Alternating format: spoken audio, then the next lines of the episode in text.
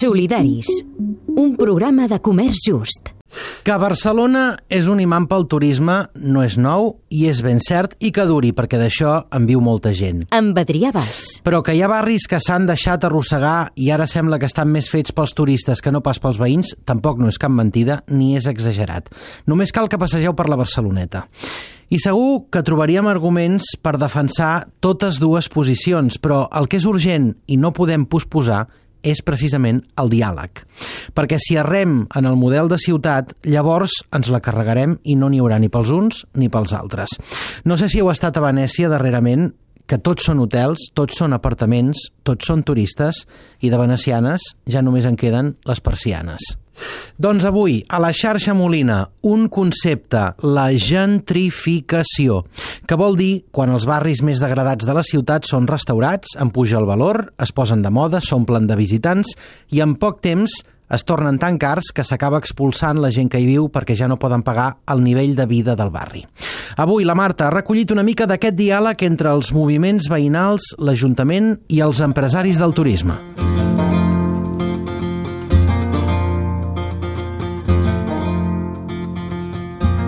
Avui la xarxa Molina posa el focus en el reclam dels veïns i veïnes dels diferents barris de la ciutat de Barcelona que ja fa temps que es mobilitzen, sobretot a Ciutat Vella, per poder decidir quin barri volen. El cap de setmana passat van ocupar simbòlicament les Rambles i per primera vegada es van trobar diferents espais d'activisme veïnal, sindical i plataformes de tots els barris per seguir teixint xarxes per recuperar la ciutat contra la gentrificació que acaba expulsant als veïns per les lleis del mercat. Hem demanat l'anàlisi a Irene Escorihuela, directora de l'Observatori DESC dels Drets Socials, Econòmics i Culturals. D'alguna forma hi ha un, un encariment de la vida i els salaris es mantenen iguals, hi ha moltes situacions de precarietat. Llavors, eh, dissabte hi va haver la manifestació que intentava cobrir tres aspectes, no? aquesta part de, de precarietat laboral, la part de dificultat d'accés a l'habitatge i l'impacte del turisme en, en la vida de la ciutat, en els barris i en, i en els preus. Just el dia abans de la manifestació, l'Ajuntament de Barcelona va aprovar el Pla Especial Urbanístic d'Allotjaments Turístics, el PEUAT, un pla d'usos per regular els allotjaments turístics i garantir el dret a l'habitatge. Un projecte que s'ha explicat a cada districte i que a través del procés d'al·legació clàssic ha fet que la gent els fes arribar propostes. Hem parlat amb Janet Sanz, la tinent d'Alcaldia d'Ecologia, Urbanisme i Mobilitat, que s'ha reunit amb els veïns per intentar aconseguir un PEUAT que donés cobertura a les seves necessitats. Ens en posa un exemple. el no creixement de més pisos turístics a, la ciutat de Barcelona, que no es donin més llicències a pisos turístics. Aquesta també ha estat una proposta que els propis veïns han, han liderat i han impulsat. O fins i tot el fet de que hi hagi una zona de creixement. També és una de les propostes que, els, que els veïns han treballat i que ens han plantejat. Des de l'Ajuntament també s'ha negociat el PEUAT amb el Gremi d'Hotelers, que també han fet arribar les seves demandes. Una de les qüestions concretes que sí que ens van demanar doncs, per exemple, el gremi d'hotelers, amb qui ens hem vist en diferents ocasions, era, per exemple, que tots aquells hotels que es trobaven en la zona de, de creixement, eh, urbanísticament, no quedessin fora d'ordenació i que, d'alguna forma, es posés en positiu quines eren les actuacions que poden fer, que, que, que en aquest cas són molt concretes. Els hotels que es troben en aquesta zona 1 no es poden tornar a fer, no es poden tirar avall i tornar a construir, sinó que el que proposem és que puguin fer grans rehabilitacions. Per què? Perquè l'objectiu, quan tu tires un nou uh, un hotel existent, no? un edifici existent, per una activitat concreta, has de tornar a demanar llicència. I amb la categoria de decreixement això no, pot, no, no, no es podria fer, no? perquè diem que tot allò que es tanqui no es torna a obrir. No? I, per tant, així podem anar decreixent a poc a poc o de forma natural. El diàleg amb els veïns i els hotelers ha estat clau per construir el PEUAT, però no satisfà a tothom. Irene Escorihuela. Hi havia diverses versions del PEUAT i em sembla que sobretot la feina que ha fet l'Assemblea de Barris per un turisme sostenible ha estat bastant important. S'ha fet feina tècnica, d'aportacions, però s'ha fet també feina més política, d'incidència política i feina d'accions al carrer. Jo crec que s'ha aconseguit posar el tema a l'agenda, en part gràcies a aquestes mobilitzacions, i s'ha aconseguit finalment un PEUAT que no és el que es volia perquè no hi ha aquest decreixement que comentava, però sí que posa límits, no? I, i en principi la situació ha de canviar.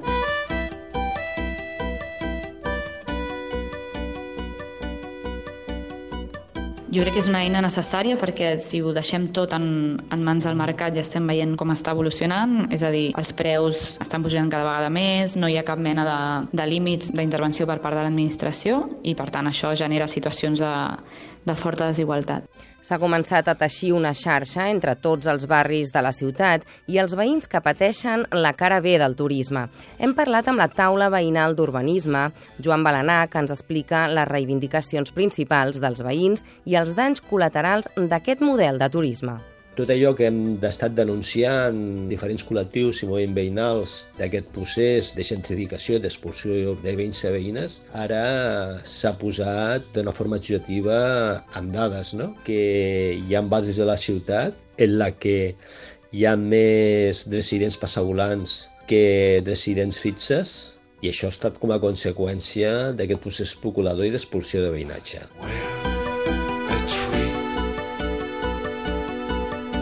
Allà on hi ha un habitatge d'ús turístic ha hagut l'expulsió d'una família, ha hagut el que estem denominant desnonament silenciós i els efectes col·laterals ha estat pèrdua, destrucció del teixit social, desaparició del comerç de proximitat i pèrdua de l'espai públic com a espai comú, com a espai de convivència.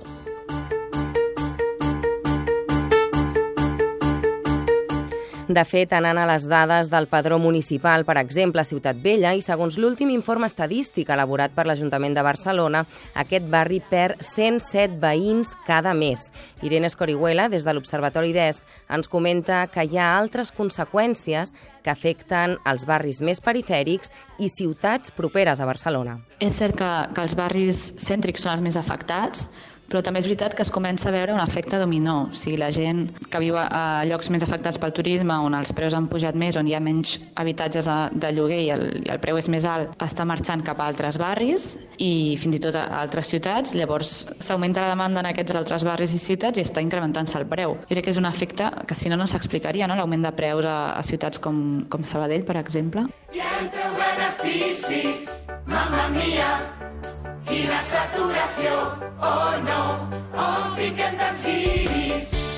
La xarxa Molina també passa avui per tot el moviment creatiu que hi ha darrere de les protestes en contra de la turistificació dels barris, amb aquesta versió del Mamma Mia que reclama el dret a la ciutat i el caràcter de la Barcelona dels barris.